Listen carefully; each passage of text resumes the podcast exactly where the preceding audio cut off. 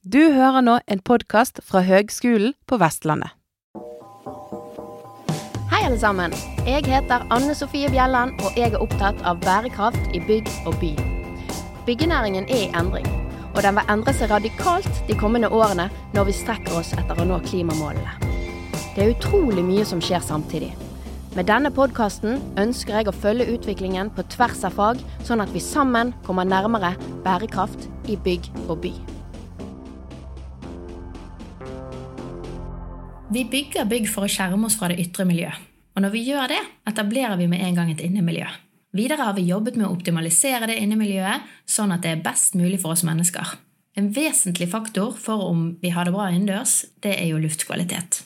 At luften ikke har for mye forurensning, ikke for mye eller for lite fuktighet, og at den holder en grei temperatur. For å sikre dette så har vi ventilasjonsfaget.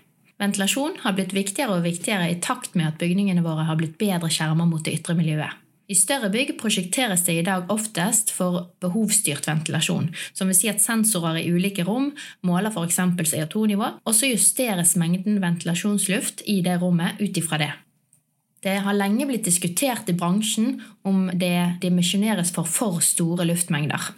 Konsekvensen av det er at systemene blir overdimensjonerte, med for store kanaler som krever mye plass, og som sjelden benyttes til sitt fulle. Jeg er litt nysgjerrig på hvordan det står til i ventilasjonsfaget, og hva det forskes på nå. Jeg er òg interessert i sirkularitet, og om vi kanskje snart kan kjøpe godt inneklima som en tjeneste istedenfor å kjøpe et ventilasjonsanlegg. Derfor har jeg snakket med Mats Mysen, fagdirektør i GK Inneklima og professor 2 ved Oslo OsloMet. Halla igjen, Mats, og tusen takk for at du tar deg tid til å prate med meg. Hei på deg òg. Jo, dette er jo veldig hyggelig da, å få snakke om ventilasjon, som jeg brenner for. Ja, takk for det, Anne Sofie. Ja. Kan, du, kan, kan du begynne med å fortelle litt om din bakgrunn og rolle der du er i dag? Bakgrunn eh, Vi får ta den profesjonelle delen, da. Eh, jeg gikk maskin, Institutt for klimateknikk, ferdig i 89. Valgte det for jeg ønsket å ha fokus på mennesker og jobbe med inneklima. Og så jobbet jeg som rådgiver i Teknokonsult, som nå er en del av Norconsult. Og prosjekterte ja, sykehus, f.eks. Nytt Rikshospital, og var med på Gardermoen hovedflyplass, annet. Det var spennende. Så mm, hoppet jeg over til eh, Byggforsk, Norges byggforskningsinstitutt, for å kunne jobbe litt med lab og litt med forskning, i tillegg til å være ute på prosjekter. Og der eh, tok jeg en eh, doktorgrad, så på sammenheng mellom energibruk og inneklima i skoler i forhold til valgt ventilasjonssystem. Bl.a. naturlig ventilasjon, hybridventilasjon og ren mekanisk ventilasjon. Eh, og jeg så litt på dette med energieffektiv viftedrift. Eh, innførte denne SFP-verdien, som etter hvert ble en del av eh, TEK. Og etter det så ble det mer fokus på behovsstyrt ventilasjon. For et av funnene fra doktorgraden var jo at det, det var helt avgjørende for å redusere energibruken. Samtidig som vi kunne opprettholde god luftkvalitet, godt inneklima. Så da har det vært eh, forskning eh, rundt eh, forskjellige ventilasjonssystemer, og hvor robuste de er i forhold til å nå sitt mål, da, som er veldig godt inneklima med lav energibruk. Og dessverre litt varierende resultater. Det er mye rart. Um, I 2018 så gikk jeg over til GK, som er en stor teknisk entreprenør, som fagdirektør i GK Inneklima. Og nå har GK Inneklima blitt en del av GK Norge, så nå er jeg leder fagutvikling i GK Norge med fokus på selvfølgelig inneklima, ventilasjon, byggautomasjon, kulde, energi, men også rør og elektro er liksom underlagt eh, mitt ansvarsområde. Så det er mye å gripe fatt i. Det er det. Veldig spennende. Du har jo mm. med deg si, mye av historien i utviklingen til ventilasjonsfaget, egentlig. Ja, i hvert fall den siste tiden eh, har jeg jo god oversikt over og har faktisk vært en del av. Så det, det har vært en spennende reise. Ja, men, men, da må vi spørre litt sånn Du var inne på dette med behovsstyrt uh, ventilasjon. At nå er man der at man har jeg håper å si, ulike parametere man, man, måler i forhold til luftmengder. Basert på sensorer mm. forskjellige plasser i et bygg. Det er det. Hvor, um, ja, hvor, hvordan står det til? Kan du gi oss en liten sånn status? Hvordan står det til med ventilasjonsfaget? Eh, altså, hvor er, hvor, er vi, hvor er pionerene? Hva forskes det på nå? Hva er det man prøver å løse? Ja, du, hvor er pionerene og hva forskes det på nå? Hvis vi tar um, hva det forskes på nå, så ser vi jo på løsninger som kan egentlig redusere energibruken ytterligere. Det er litt fokus på luftmengder og opplevd luftkvalitet. Jeg vil jo si at vi har glemt litt uh, av formålet når det gjelder ventilasjonsbransjen. Fokus har vært å få inn x antall kubikkmeter med luft. Det er det vi måles på. Men det vi egentlig skal oppnå, da, det er godt inneklima i oppholdssonen. Og da må vi over på luftkvalitet og hvordan det ventileres og ventilasjonseffektivitet. Ting som var mer egentlig vanlig å snakke om før, men det, det er fortsatt like viktig. Så det er eh, litt fokus på det, bl.a. gjennom dette prosjektet som het Bestvent. Eh, og så ser vi jo eh, når vi går på energibruk at det å redusere luftmengden i tomme lokaler, det betyr mye. og, og vi, vi, vi, har jo lagt oss på en luftmengde som er i forhold til behovet for bygningsmaterialer, og sørge for at vi tynner ut emisjonen fra de. Men det er jo ikke noe stort poeng å gjøre det mens eh, det ikke er noen mennesker til stede. Bygningsmaterialene bryr seg ikke om luftkvalitet. Så det, så det å liksom klare å bruke dette for å skape godt inneklima for de menneskene som er til stede, det har det vært fokus på i Bestvent, og der er det en del å hente. Så det gå ordentlig lavt ned i luftmengde og klare å regulere anleggene ved lave luftmengder, det er noe som vi kan bli bedre på, fordi vi ikke har hatt fokus på det. Vi har liksom alltid hatt fokus på dimensjonerende luftmengde, den maksimale luftmengden, og laget komponenter og systemer som fungerer bra der. Men dagens ventilasjonsanlegg skal liksom fungerer like godt over et veldig stort område, fra minste til største luftmengde. Mm. Så der, ehm, der har vi utviklet oss en del, men det er mer å hente, da. Og så er det fokus på driftsfase. Ja. Eh, det er liksom Man tenker entreprise, man skal få levert et eller annet, og skal, man skal bli ferdig med det, og så skal man løpe til neste prosjekt. Eh, dagens systemer er jo avanserte, og for å få ut funksjonaliteten, så må man liksom sørge for at den kompetansen er med ut i driften. Mm. Så det er det en del fokus på. Og så ser vi jo at eh, problembygg ofte skyldes sammensetning av løsninger som er knytta til forskjellige entrepriser. Så tradisjonell entrepriseinndeling, så har du en ventilasjonsentreprise. Mm. Som mer leverer hardwaren. Men det er jo ingenting. Det som er viktig, er jo automasjon som skal få dette til å fungere sammen. Og det er en annen entreprise. Og med en gang så får vi da produkter fra forskjellige leverandører lagd i forhold til forskjellig filosofi, som skal fungere godt sammen i et inneklima. Og det har vært en utfordring. Og sånn sett så er jo mange av byggene våre pilotprosjekter hvor man støter på utfordringer. For det er ikke lett å få det her til. Så det er også tenke mer funksjon, sette sammen eh, ting som er eh, på tvers av tradisjonelle entreprisegrenser, sånn at du får noe som du vet virker. Eh, historikken spurte du også om. Eh, historikken til ventilasjonsbransjen er jo gjerne en del av den samme historikken som gjelder inneklimaforskning. Betydningen av et godt inneklima. Så det er jo 170 70 år siden ca. Max von Pettenkopfer fant ut at man skulle ha 1 promille CO2 i eh, inneluft, altså 1000 ppm. Mm. Så det er jo langt tilbake i tid. Eh, og da, da har han jo sagt egentlig ganske mye, da. For det er vi mennesker som produserer CO2.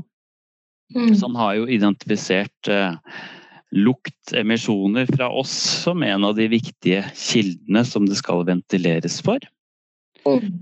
Og så lenge du har fokus på CO2 eller PPM, så har du egentlig fokus på en tilstrekkelig luftmengde per person som er til stede, og eh, regulert riktig i forhold til aktivitetsnivå. For vår eh, CO2-produksjon øker jo med aktivitetsnivå.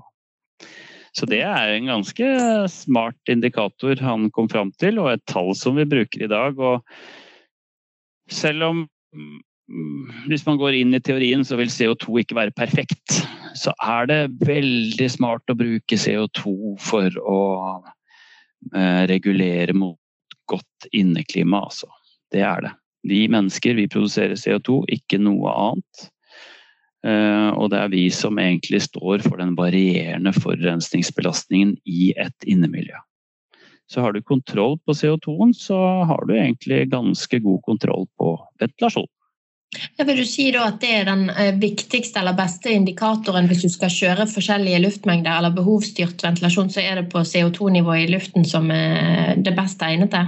Ja, eh, når du sier viktigste, så må du tenke på at det er det mest praktiske.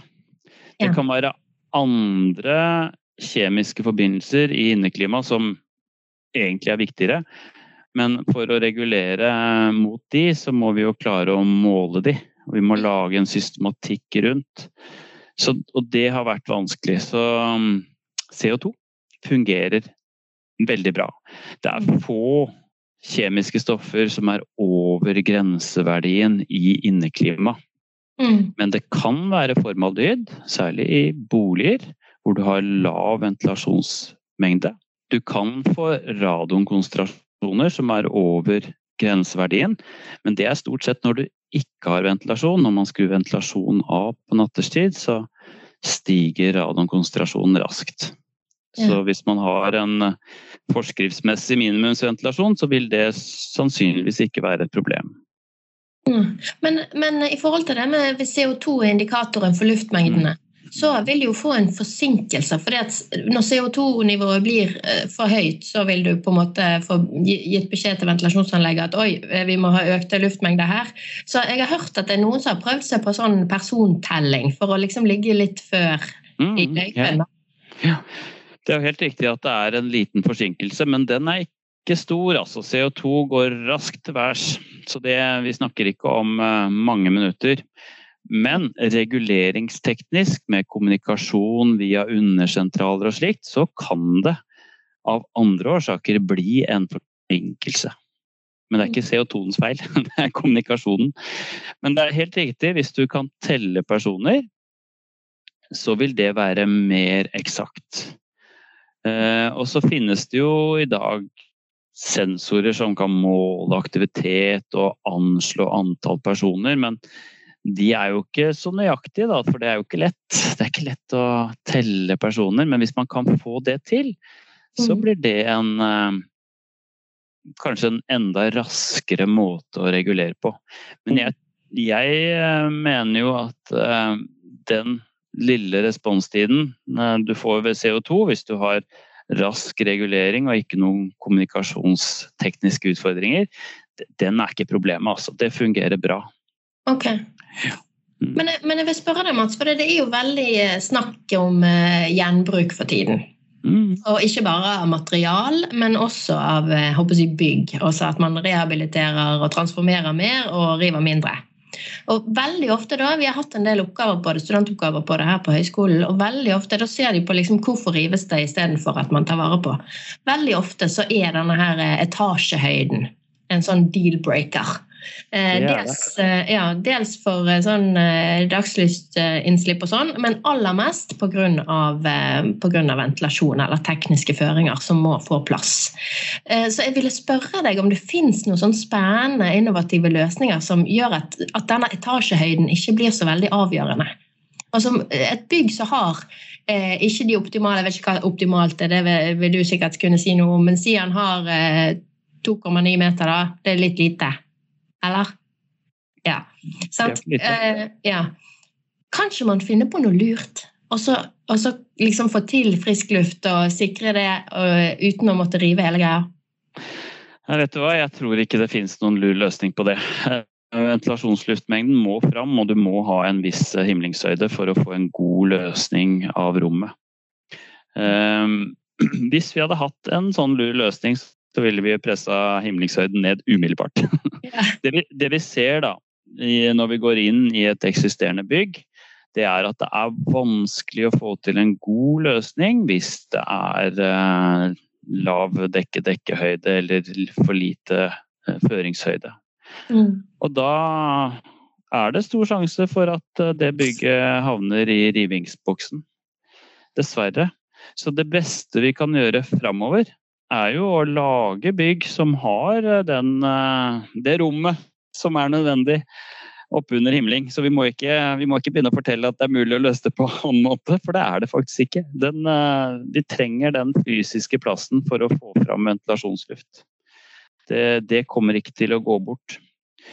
Og så er det jo prosjekter da hvor vi søker å finne løsninger, og da blir ikke de fullgode, så det er viktig å få med seg.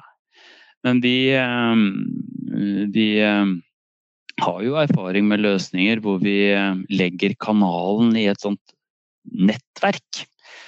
Tradisjonelt så på tilhuskanalen så kommer lufta fra vifta og går langs kanalen og bort til en tilhusventil.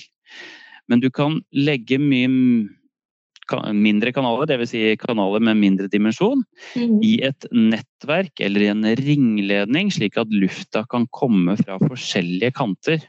Og det gir en annen fleksibilitet, og det gir rom for å gå ned en kanaldimensjon eller to. Og så, for å unngå krysninger, så kan man ha sentrale avtrekk. Dvs. Si at du har overstrømning ut i en korridor og et stort avtrekkspunkt i enden av korridoren. På den måten så unngår vi krysninger, og vi kan kanskje gå ned en kanaldimensjon eller to. Så blir det liksom ikke helt fullgod løsning, da. Vi får ikke balansert ventilasjon på romnivå. Um, og du får jo mange kanaler, mange kvadratmeter kanaloverflate med en slik løsning, så det er jo et større CO2-fotavtrykk hvis man tenker på det.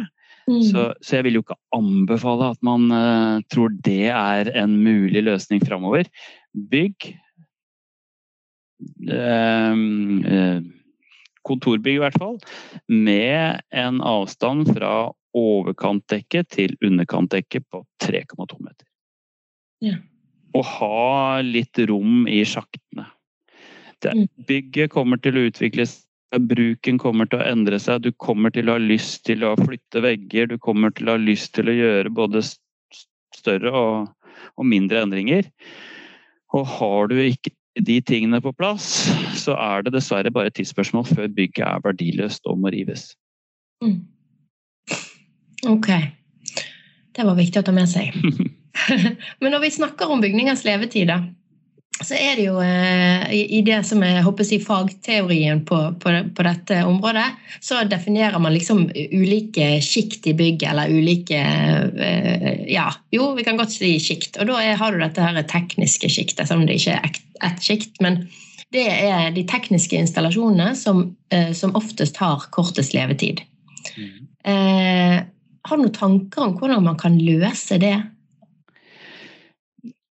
Ja, For det første så må man splitte litt. Eh, kanalnett eh, har egentlig ingen begrenset levetid. Spirokanaler som står tørt og har en skikkelig innfesting, de kan i teorien vare evig. Mm. Så de trenger man ikke å rive og bytte ut i byggets levetid, så lenge man har en fornuftig løsning fra start. Så det ser vi jo at vi kan gjenbruke eksisterende kanalnett på en veldig god måte. Mm. Eh, når det gjelder aggregathus og passive komponenter i aggregatet, som eh, varme- og kjølebatterier, så gjelder akkurat det samme fordi dette er passive installasjoner som egentlig kan ha et evig liv. Og så har du roterende installasjoner, da. Viftemotor, vifte, kanskje roterende gjenvinner, i hvert fall motoren til den roterende gjenvinneren. Som, eh, som har en begrenset levetid. Og det er vanskelig å komme bort fra det, for du får en mekanisk påkjenning på hver eneste runde. Og det å lage løsninger som er evigvarende der, det tror jeg ikke man klarer å få til. Så da er det viktigere å tenke at disse, disse delene som viften eller motoren består av, kan dekomponeres og gjenvinnes eller gjenbrukes direkte. Så det er et viktig fokusområde, og der er det mye ugjort. Mm. Og så har du kommunikasjon og sensorikk. Og der gjelder for så vidt det samme. Per i dag så er det vanskelig å tenke seg at det er nyttig å ha et uendelighetsperspektiv på den type komponenter. For kommunikasjonssystemene særlig, de har utviklet seg så raskt. Og når det ikke lenger skal kunne bruke den eksisterende kommunikasjonsprotokollen, så må også komponentene endre seg. Så der bør man også ha et sånt begrenset tidsperspektiv av praktiske årsaker i dag, og heller tenke gjenvinning, gjenbruk av de delene som komponenten består av. Dessverre. Jeg skulle gjerne sett at det ikke hadde vært så rask utvikling i forhold til eh, dette med levetid og livsløpskostnader, men, eh, men sånn er det. Det er liksom ikke mulig å komme bort fra det. Jeg skjønner. Mm. Men, eh, men, hvis ikke jeg Eller stemmer det at dere har begynt å tenke litt på om man kan istedenfor å levere et anlegg som server inneklima, så leverer man inneklima? Ja, det gjør vi. Det tenker vi på. Vi har ikke gjort det enda. Vi håper vi får på plass den første kontrakten en gang. Men, ja, men ingen er jo ingen er interessert i Eller ingen og ingen, noen er kanskje det, men de fleste er ikke interessert i kanalene eller tillusventilene, eller alt som er skrudd opp i, i, vegger og tak. De er jo opptatt av at man får godt produktivt inneklima. Det er mm. det man ønsker, det er effekten man ønsker. Eh, vi ser jo eh, med dagens entreprisemodell at man beskriver en løsning som, som vi må levere i forhold til, men da aller helst så dårlig som overhodet mulig. For da blir prisen lavest. Og vi blir kun vurdert på den prisen. Det er noen eh, prosjekter hvor man drar inn andre elementer, men de er vanskelig å kvantifisere. Altså Hvis ikke du har noe ansvar for å få ut effekten i driftsfasen, så kan man liksom skrive seg rundt disse andre kriteriene. sånn at det, det er ikke det som blir avgjørende. Det som er igjen til slutt, er prisen. Den blir avgjørende. Mm. Så vi Dette er jo konkurranseregler som skaper innovasjon. Og det er jo hvordan man skaper innovasjon som sørger for at vi får en utvikling. Den innovasjonen som skapes av disse konkurransereglene gitt av tradisjonell entreprisedeling, det er å finne rimeligere løsninger eller finne smutthull måter som gjør at man kan gå ned i pris, gå ned i kvalitet, uten at man blir tatt på det. Og Formålet er jo å få overlevert anlegget, sånn at man kan gå videre til neste prosjekt. Sørgelig. Det ja, det er sørgelig, men sånn er spillereglene. Da, da får vi ikke utvikling mot bygg som er mer verdiskapende.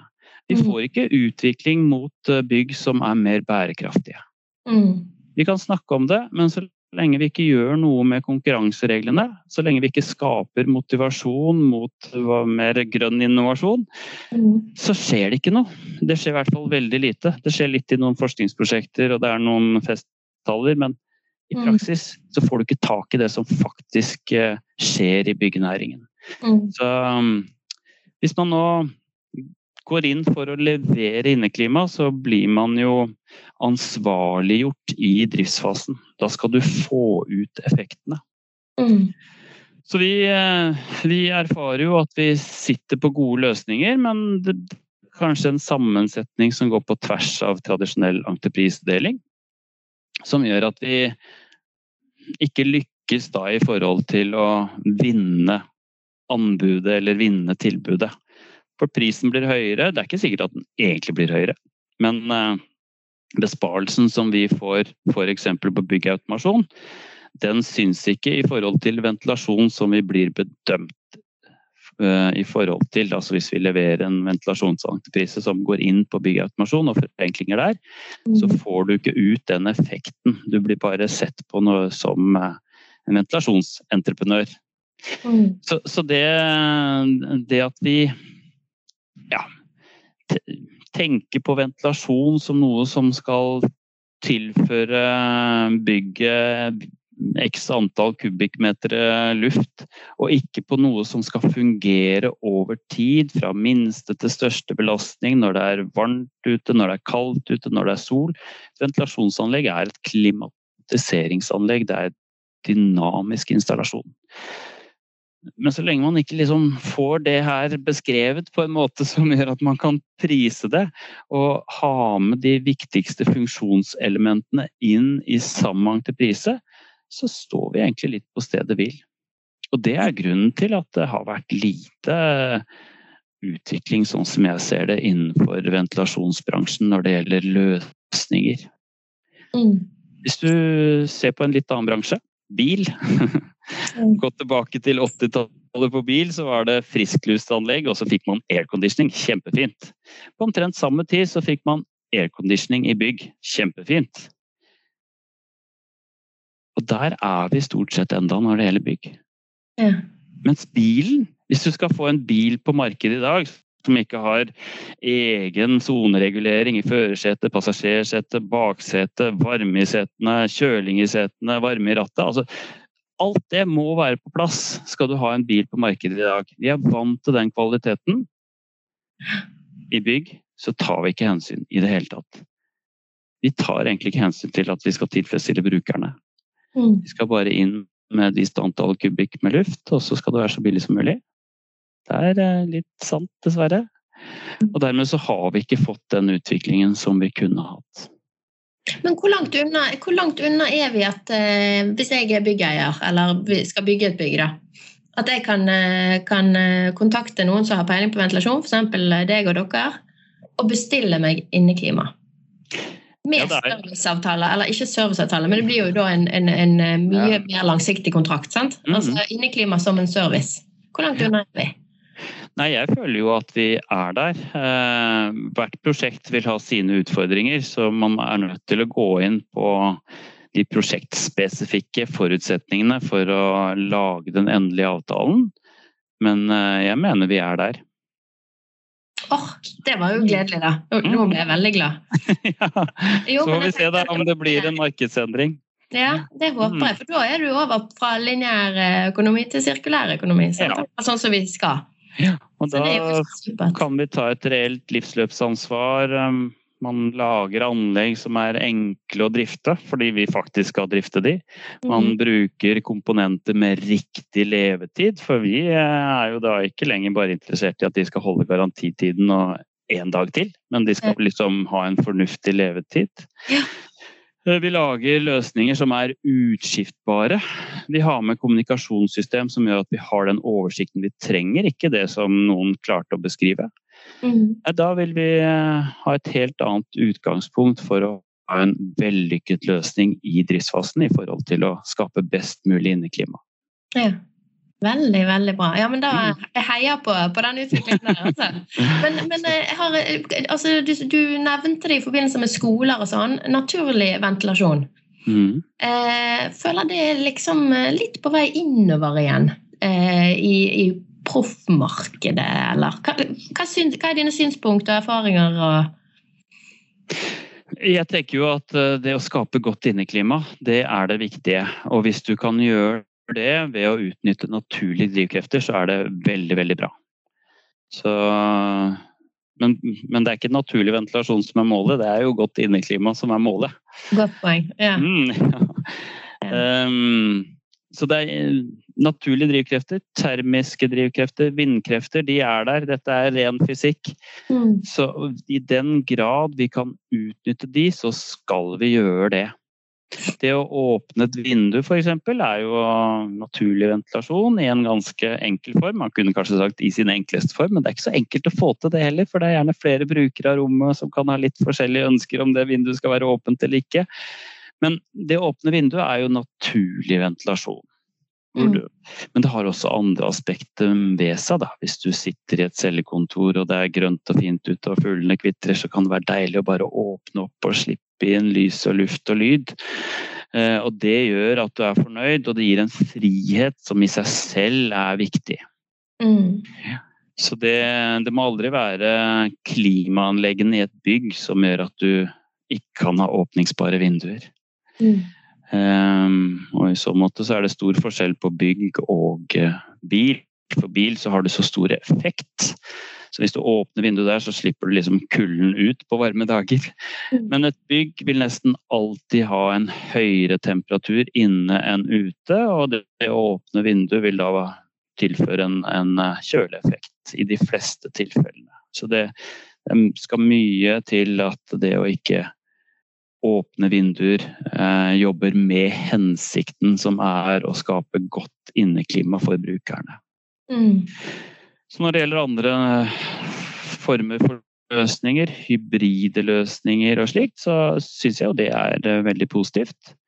Um, man bruker jo hybride løsninger fordi man ser at man ikke klarer å løse det helt naturlig hele året.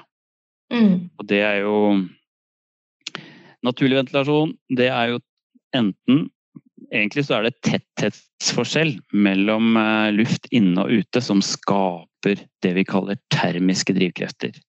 Og tetthetsforskjellen er jo igjen skapt av temperaturforskjell. Mm. Så termiske drivkrefter vil du jo ikke ha hvis det er eh, like varmt ute som inne. altså. På varme sommerdager så er det omtrent samme temperatur, så da får du ikke noen hjelp fra de termiske drivkreftene. Mens det på de kaldeste dagene kan være veldig effektivt. Og så er det skapt av vind.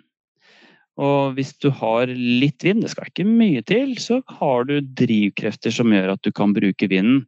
Men noen dager så er det jo nesten ikke vind. Og da vil du ikke kunne løse oppgaven å klimatisere ved hjelp av eh, vind. Mm. Og det her kan også skje i kombinasjon, så det vil bli perioder hvor naturlig ventilasjon ikke er nok hvis du stiller tilstrekkelig strenge krav til klimatisering inne. Og da må du ha en løsning som hjelper disse drivkreftene. Som vi kan kalle vifteassistert, vi kan kalle det hybridventilasjon, vi kan også kalle det mekanisk ventilasjon. Men det å få til et samspill hvor man eh, utnytter naturlige drivkrefter, eventuelt har eh, mekanisk ventilasjon med mulighet for tilleggsventilering gjennom vindu, det er jo flott. Så dette er mm. fine løsninger. Mm. Så bra. Nei, men du, nå, jeg, jeg, endte opp med å bli litt sånn glad av denne her praten. For jeg tenkte ja, ja, nå kan ventilasjonsbransjen bli sirkulær. Det var noe ypperlig. Veldig bra. Jeg gleder meg mm. til å høre om det første prosjektet der man leverer inneklima eh, som en tjeneste. Ja, jeg håper jeg kan eh, annonsere det om ikke så lenge, men jeg har håpet det et års tid, da, så det, vi får se. Ja, veldig, veldig bra. Kjør på, sier jeg. Men eh, på mm. tampen, mm. Mats, har du noen gode råd til studentene som skal ut og delta og forme morgendagens byggebransje? Ja, det må være å ta brukeren på alvor. Mm klimatisering i lang, lang tid har vært i forhold til en eh, standardbruker som ikke finnes. Ja. Og sensorverdier som ikke kan måle seg med vårt sensoriske apparat, som er mye finere. Vi kan registrere helt andre nivåer, kanskje en tusendel av det sensorer de beste kan måle. Så, mm. så, brukeren er liksom helt suveren. For det første så er det vi som bestemmer om inneklimaet er bra eller ikke. Og er brukeren fornøyd, da har du liksom per definisjon nådd målet. Mm. Så ta brukeren på alvor. Ta brukeren inn i reguleringsloopen. Innhent brukererfaringer. Spør brukeren. Gjør det systematisk. Jeg tror det er masse kunnskap som vi ikke får med oss i dag, fordi vi ikke hører hva brukeren sier. Så jeg tror det er variasjon i forhold til utetemperatur, vær og vind som vi kunne ha brukt systematisk for å klimatisere inne på en bedre måte. Så ta brukeren på alvor. Ikke gjør som uh, si, vi har gjort i vår generasjon. Sagt at det er en standardbruker, og hvis det er noen som fryser, så ja, 20% misfornøyd. Det er den alltid, så vi bryr oss ikke om det. Det er feil approach. Ta brukeren på alvor. Et viktig, et viktig mm. råd. Mm. Tusen takk for praten, Mats. Bare hyggelig. Ha det godt. Ha det bra. To ting eh, tar jeg med meg for å prate med Mats. Først etasjehøyde. Det er en av de viktigste faktorene for å ivareta et byggs fleksibilitet og tilpasningsdyktighet. Det er derfor òg avgjørende for et byggs levetid. Når vi bygger nytt, bør vi derfor ikke spare på etasjehøyden. Men i byggene som allerede står, så er det ofte en lavere etasjehøyde. Og som nevnt i praten med Mats, blir dette ofte en avgjørende faktor for at det rives i stedet for at man rehabiliterer. Når det er sagt, så fins det en del rehab-prosjekter der også ventilasjonen er løst på tross av lavere etasjehøyde. Hvordan det er løst, kan variere, men det kan iblant innebære at man går litt på kompromiss med komfort- og inneklimakrav, sånn at de blir god istedenfor supergod. For i Norge så har vi strenge krav. Så nye bygg bør virkelig bygges med romslige etasjehøyder. Men det finnes løsninger som kan sikre inneklima også i bygg med lavere etasjehøyde, og dermed kanskje eh, kan redde en bygning fra riveboksen. Det man må være klar over da, det er at man da eh, risikerer at man sitter med en rehabilitert bygning som har litt mindre fleksibilitet og endringsevne igjen. Noe som jo er naturlig. Det andre som jeg tar med meg fra Mats eh, sin prat, det er Eh, dette her med at vi kan bestille inneklima som en tjeneste. Eh, som han sier, så er de tradisjonelle kontraktsformene i bransjen med på å hindre innovasjon og mer bærekraftige løsninger. Hvis en ventilasjonsaktør kan selge inneklima som en tjeneste, er det i aktørens interesse at de fysiske komponentene i ventilasjonsanlegget har så lang levetid som mulig, at vedlikeholdet er så enkelt som mulig, og at styringen av anlegget er optimal. Da får en et insentiv til å samhandle med møtende fag i større grad, og tenke kvalitet over tid fremfor bare å tenke innkjøpskostnad. Det er sirkulær økonomi, det. Det er gjort på Schiphol bl.a. Skiphold flyplass. Der leveres lys som en tjeneste. Og jeg gleder meg til å høre om det første prosjektet som får levert frisk luft som en tjeneste. Ha det godt!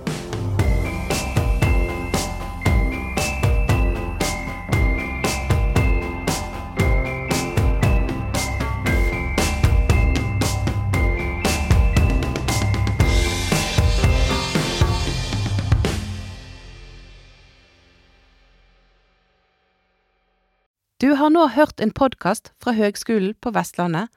For å høre flere podkaster, besøk hvl.no slash podkast.